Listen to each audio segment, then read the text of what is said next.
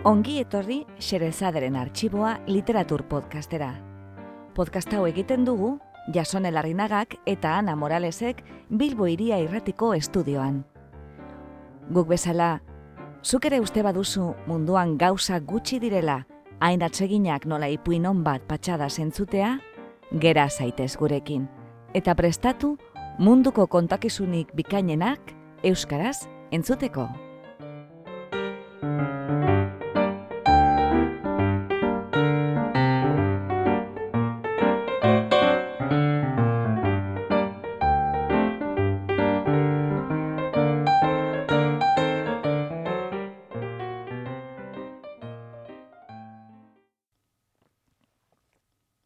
Gaur, Xerezaderen arxiboan, William Tabenarren sentimentaltasuna.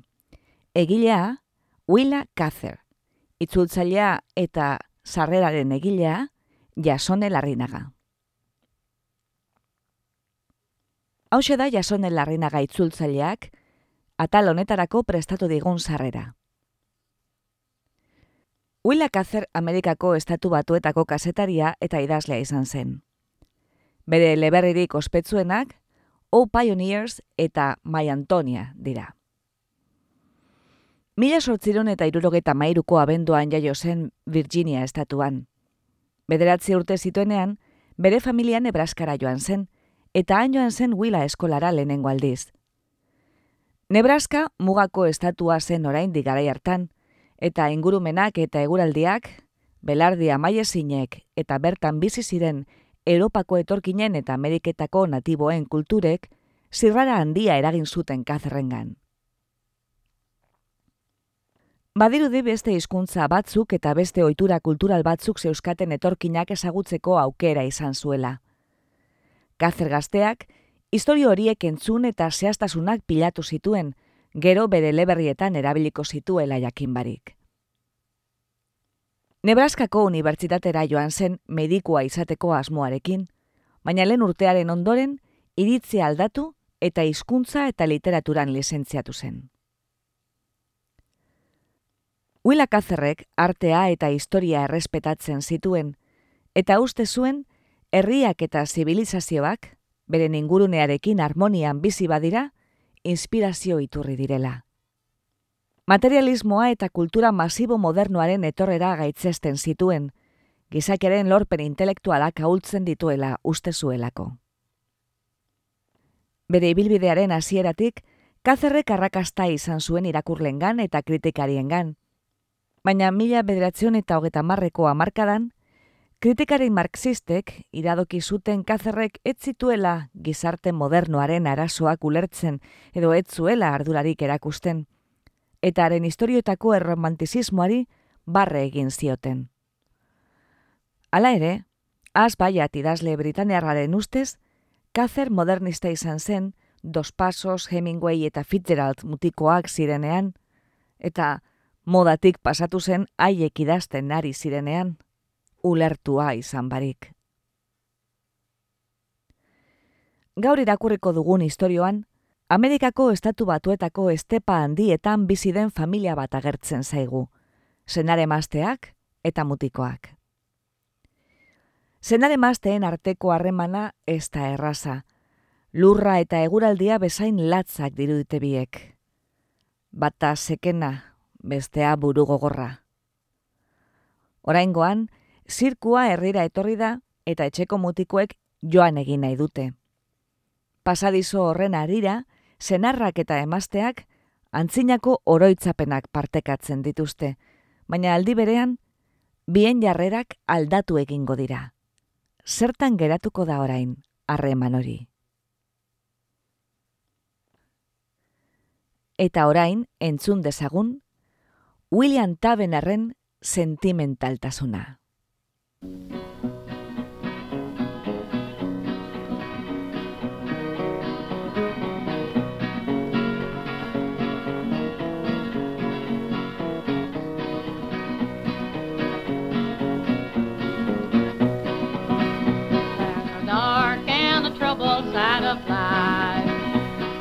bright and the sunny side too. So we meet with the darkness and strife. This sunny side we also may view. Keep on the sunny side, always on the sunny side. Keep on the sunny side. Of Emakume indartzu bat behar da mendebaldean bezi zarenean arrakastarik esateko? Eta Hester hori zen, zalantzabarik. barik. Jendeak William Tavener, Macpherson konderriko baserritar opatzuen alegez aipatzen zuenean, haren emaztea, administratzaile ona zela gehitu hoi zuen. Emakume bete arazlea zen erantzun askarrekoa eta emperatriz baten antzekoa. Zenarrak bere negozioari buruzko iritzia ez eskatzeko arrazoi bakarra zen, emakumeak etzuela iritzia eskatzeari itxaroten. Guztiz ezinezkoa izango zatekeen gizon batek, giza ekintzaren arlo mugatuaren barruan, Hesterren aholku guztiei jaramon egitea, Baina azkenean, Williamek haren iradokizunetako batzuk erabili egiten zituen. Emakumeak garia jotzeko makina berri bat aire zabalean eta babesi gabe ustearen arduragabekeria etengabe gaitzetzi zuenean, azkenean ura gordetzeko etxola bat egin zuen. Emakumeak txarrikorta bat mokil hormekin isteko ideia mespretsatu zuenean, zenarrak ekinaldi txepel bat egin zion egiturari, bere aiurria erakusteko, Andrearen arabera. Baina azkenean, herrira joan zen isil-isilik eta ezia osatzeko alambre arantzadun nahikoa erosi zuen. Lehen euriteak etorri zirenean, Txerriek mokilormak muturkatu zituzten eta bideska txikiak egin zituzten goran zerrezago joateko. Eta Williamek emaztea entzun zuen afarian hartzainari gogotzu kontatzen lokatzezko etxea eraiki zuen txerritxoaren historioa. Eta Williamen seriotasuna etzen lipar batez ere erlaxatu. Isiltasuna zen, egiazki, Williamen babeslekua eta indarra. Williamek ama errespetatzeko eredu zintzoa esarri zien zemei. Bera oso ondo ezagutzen zutenek, emaztea miretzi ere egiten zuenaren susmoa zeukaten. Gizon gogorra zen auzoekin, bai eta semeekin ere. Sekena, ausarta eta handizalea. Noizean behin, Egun triste bat egokitzen zen etxean, Williamek dendako fakturak aztertzen zituenean, baina inoiz ez zuen emaztearen soinekoekin edo kapelekin lotutako salgaien aurka egin. Kontua zen, Hesterrek mutiko entzat erosten zituen gauza txiki, inoso eta beharrezkoak etzirenak, bere kontu pertsonalean sartzen zituela. Udaberriko gau batean, Hester zarabandan zegoen eserita, egongelako lehioaren ondoan, galtzerdiak errepasatzen.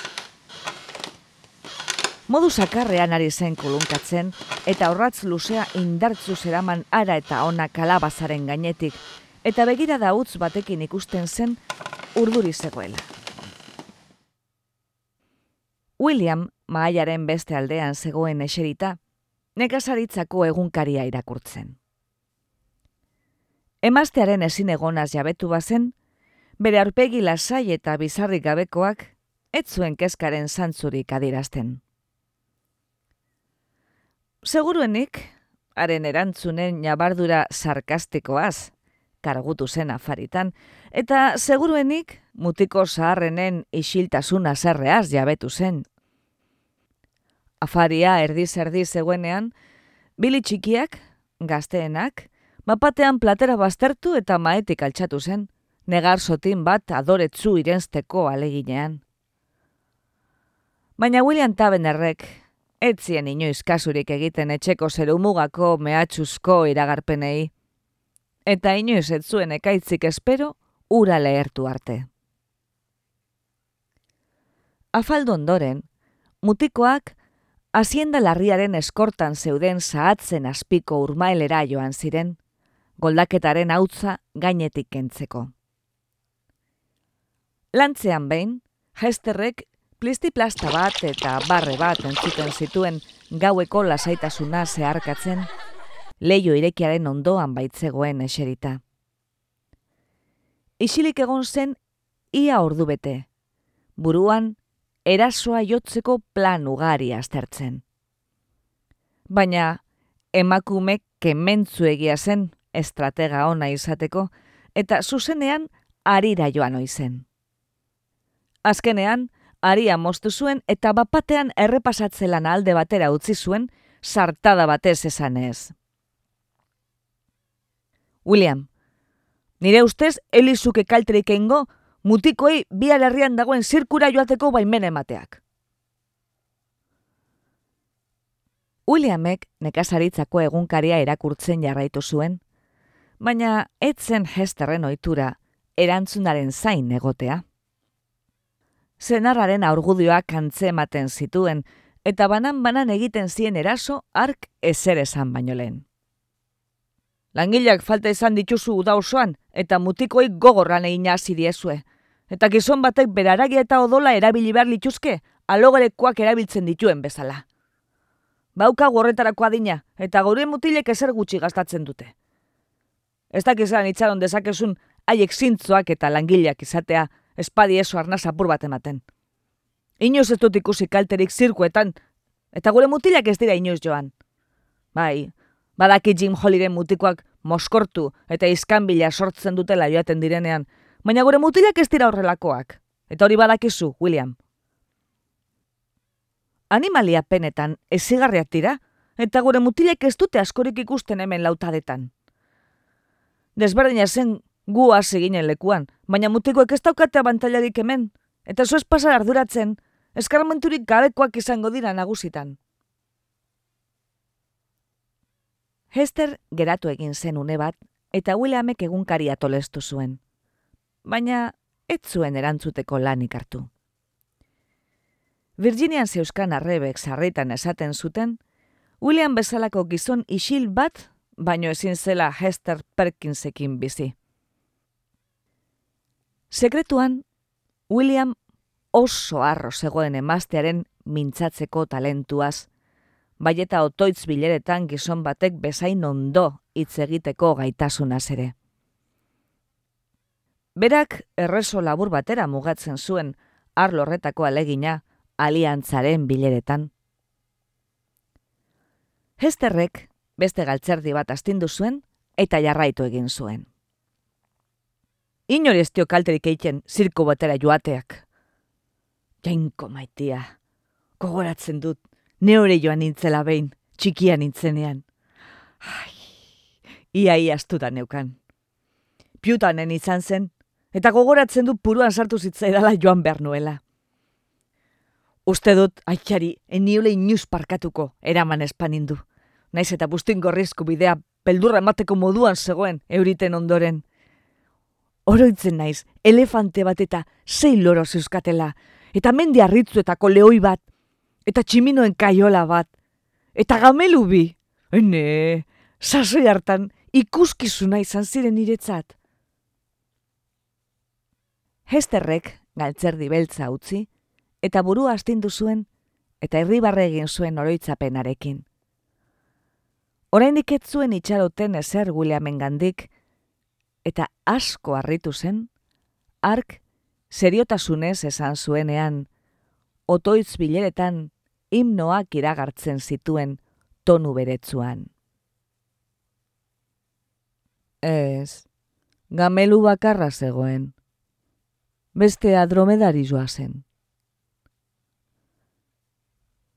Lampararen beste aldetik begiratu, eta adi-adi geratu zitzaion. Baina, William, zelan dakizuzuk? Williamek egunkaria tolestu eta zalantzapur batekin erantzun zuen. Neu ere, han izan nintzen. Hesterren interesak dirdiregin zuen. Tira, William, ezin du sinetzi. Eta urte hauek guztek igarota jakiteare?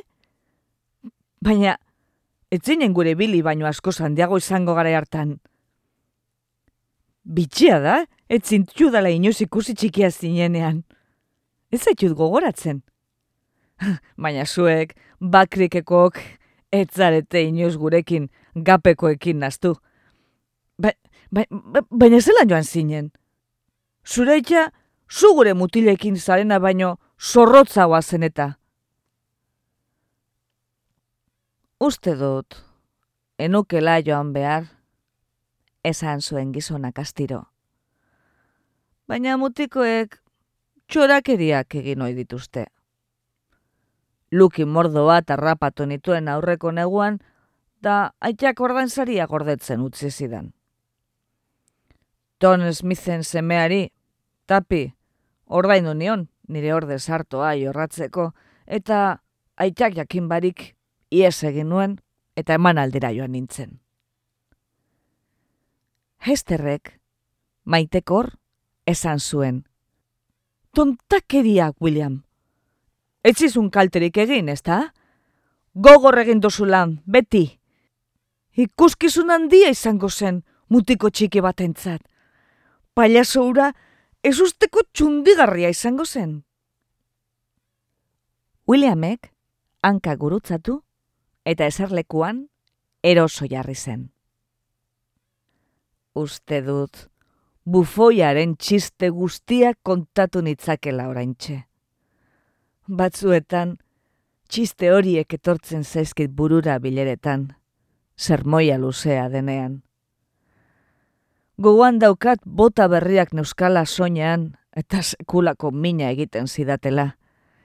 Baina dena astu zitzaidan morroiura asto gainean agertu zenean. Gogoratzen dut bota kendu behar izan nituela erritik urten nuenean eta etxera oinutzi joan nintzen pasatzatik. Aiene, mutiko gaixoa. Oio egin zuen hesterrek, bere aulkia urbilduz eta ukondoak mailaren gainean jarriz. Oinetako txar-txarrak egin zituzten omientzat. Gogoratzen dut bakrikera joan nintzela zirkuko gurdiak igarotzen ikustera. Romnitik etorri ziren, bakizu. Zirkuko gizonak errekatxoan geratu ziren animaliei edaten emateko, eta elefantea aserretu egin zen, eta ordain etxeko portxaren ondoan hasten zen sahatzaren adarrandi bat apurtu zuen, eta eskripnetarrak zeharo beldurtuta zeuden etxea botako zuelakoan. Eta zera ikusi nuen, elefantea uretan sartu zen, eta urez bete zuen trompa eta zarrasta da bat bota zuen lehioantz eta ia ia Ellen Escribernen liosko zueneko arroza ondatu zuen. Lizatu berri zuen eta oian gainean jarrita zeukan zirkura eramateko prest. Uh, nahi gabetu ingo zen Ellen. Irribar egin zuen Williamek. Gara hartan milika utza zenta.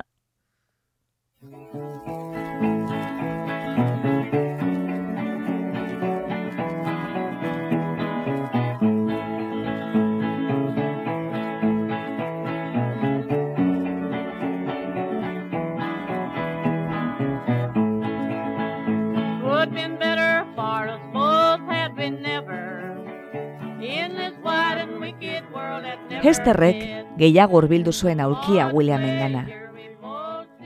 Umeak asten hasi zirenetik, senararekin izaten zituen elkarrizketak, ekonomiaren eta gastuen arloetako gaietara mugatzen zirenia.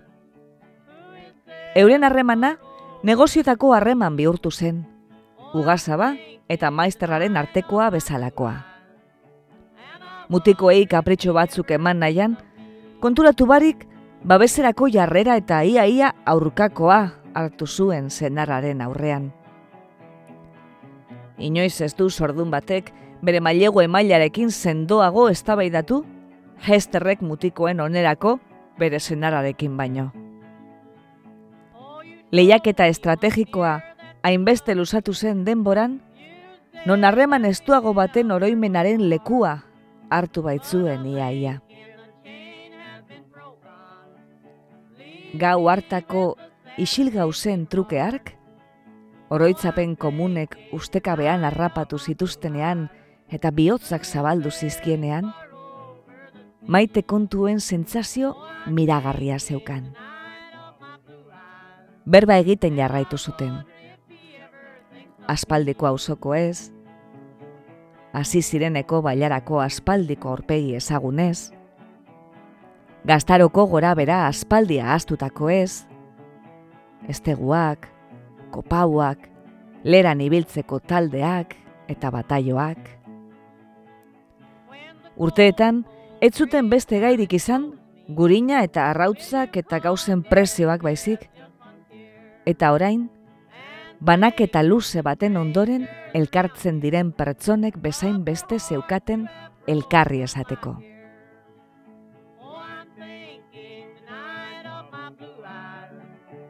with sailing far over the sea. Oh, I'm thinking tonight of my blue eyes, and I wonder if he ever thinks of me.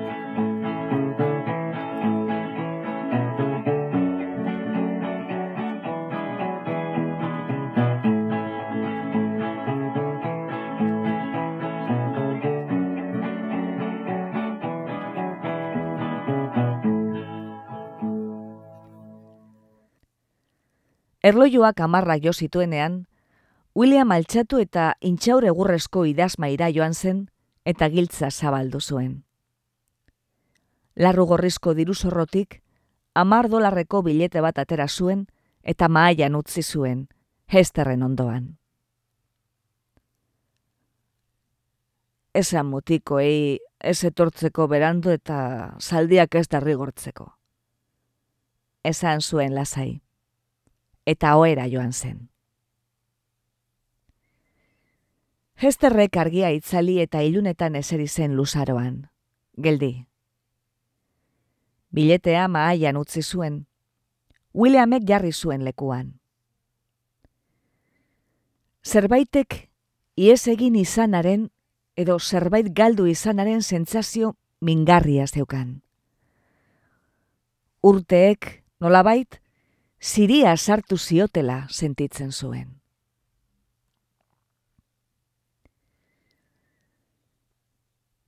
Eziaren ondoan hasten ziren zazi akazia txikiak, zuri zeuden, loreekin. Haien usain sakona sentitu zuen gaueko aizean, eta aspaldiko gau bat gogoratu zuen. Udaberriko lehen zata entzun zuenean.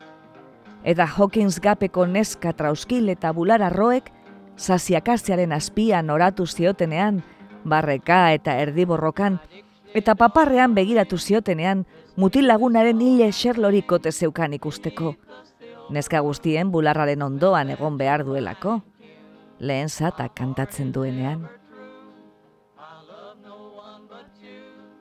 Neska hoietako bi, bere horrezko damak izan ziren. Hester oso emazte gai zoriontzua izan zen.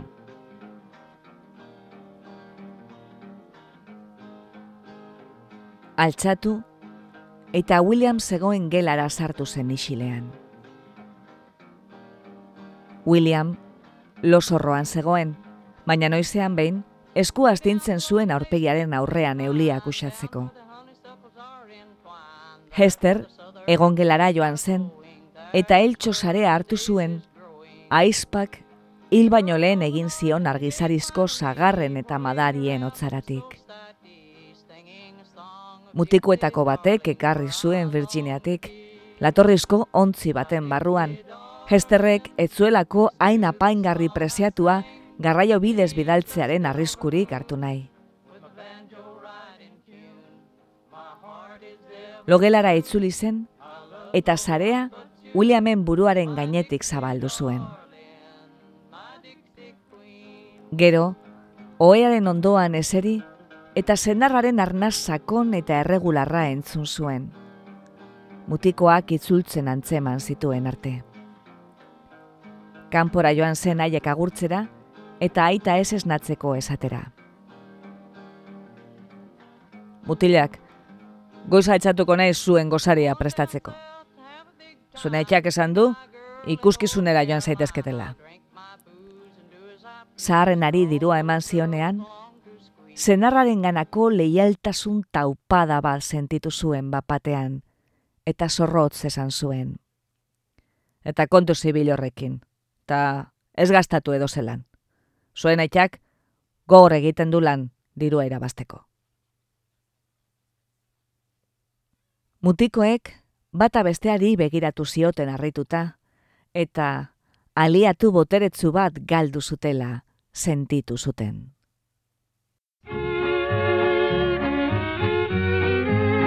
You are my sunshine, my only sunshine. You make me happy when skies are gray. You'll never know, dear, how much I love you. Please don't take my sunshine away. The other night, dear, as I lay sleeping, I dreamed I held you in my arms. When I awoke, dear, I was mistaken, and I hung my head and cried. You are my sunshine, my only sunshine. You make me happy when skies are gray. You'll never know, dear, how much I love you. Please don't take my sunshine away. I'll always love you and make you happy if you will only say the same. But if you leave me to love another, you'll regret it all someday. You are my sunshine, my only sunshine. You make me happy when skies are gray. You'll never know, dear, how much I love you. Please don't take my sunshine away. You told me once, dear, you really loved me, and no one else, dear, could come between. But now you've left me and love another. You have shattered all my dreams. You are my sunshine, my only sunshine. You make me happy when skies are gray. You'll never know, dear, how much I love you. Please don't take my sunshine away.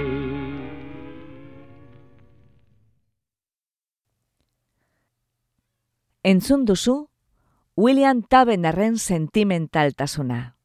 Egilea, William Kazer. Itzultzailea eta sarreraren egilea, Jasone Larrinaga.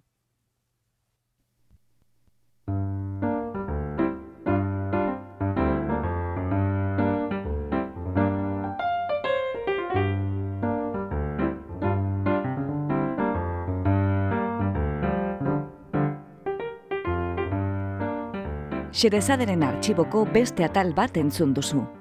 Gure doinoa da, Charleston Behind the Attic Door, Dance of the Wind taldearena. Besterik adierazi ezean, gure musikak jamendo.cometik hartuak dira, eta soinu efektuak berriz, freesound.cometik ateratakoak.